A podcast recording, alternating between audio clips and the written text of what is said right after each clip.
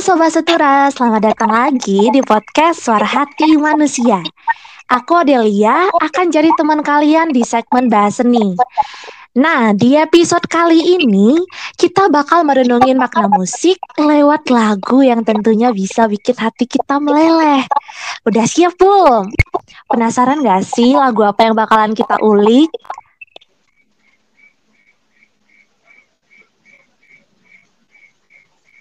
Oke, langsung saja ya.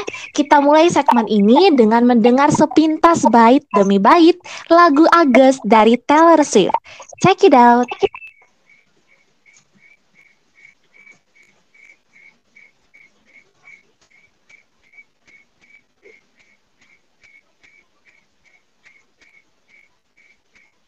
Meskipun sekarang bukan bulan Agustus, tapi aku mau cerita nih tentang lagu Agas dari Taylor Swift. Lagu ini tuh enak banget didengerin. Juga punya makna tersirat yang bikin kita berasa kayak lagi ngalamin cerita cinta yang rumit. Waduh, waduh, waduh. Lagu ini tuh semacam cerita cinta di musim panas yang tentunya bisa buat pendengarnya baper. Dengan melodinya yang lembut, liriknya ngena banget, kalau didengerin, buh, rasanya ah mantap. Bercanda bercanda. Rasanya tuh kayak lagi jalan-jalan ke masa lalu, ingat-ingat kenangan, bernostalgia. Eh, terus tiba-tiba nyesek karena kehilangan. Tapi Sobat Setura, kalau kita benar-benar paham, lagu ini tuh sebenarnya nggak cuma bikin kenangan manis di musim panas yang cuma sebentar tapi juga ceritain kisah cinta segitiga loh Sobat Setura. Jadi intinya lagu ini sebenarnya menceritakan dari sudut pandang si orang ketiga itu. Nah loh, kok jadi meromantisasi perselingkuhan ya? Jujur Li, aku juga kaget sebenarnya pas aku ngerti makna tersirat lagu ini. Rasanya tuh kayak ngeliat perasaan orang ketiga yang suka inget-inget kenangan sama cowok yang dia pikir bakal jadi miliknya. Tapi akhirnya dia sadar kalau cintanya nggak pernah kesampaian setelah musim panas itu berakhir.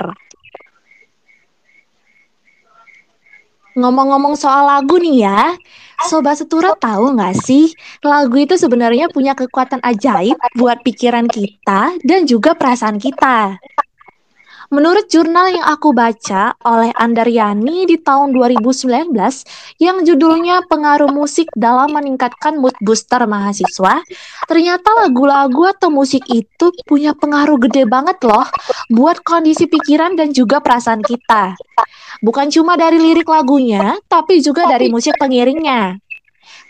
Singkatnya ya, kalau kita dengerin lagu yang liriknya happy dan penuh percaya diri, bisa bikin semangat dan motivasi kita meledak-ledak. Tapi sebaliknya, kalau kita puter lagu yang liriknya mellow, bisa bikin perasaan kita jadi sendu. Kayak kita ikutan ngerasain apa yang penyanyi rasain di lagunya loh.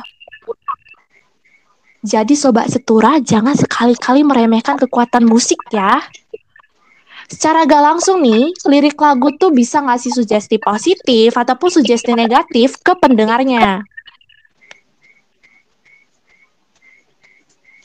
Tapi sebenarnya nggak masalah kok sesekali dengerin lagu sedih kayak Agas atau lagu galau lainnya. Tapi aku saranin jangan kebanyakan terhanyut. Takutnya ntar berdampak ke perasaan dan juga pikiran kita pas lagi ngelakuin sesuatu. Jadi cukup didengerin dengan bijak aja ya Sobat Setura.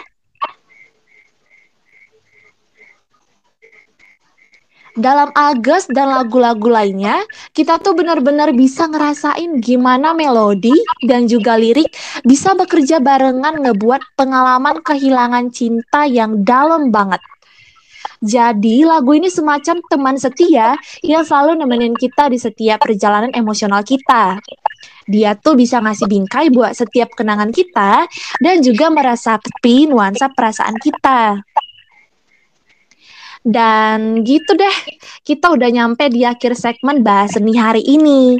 Makasih banget udah setia dengerin ya. Terus terang seni itu keren banget gak sih? Kita harus terus merayakan keindahannya, entah itu dalam bentuk apa pun ya.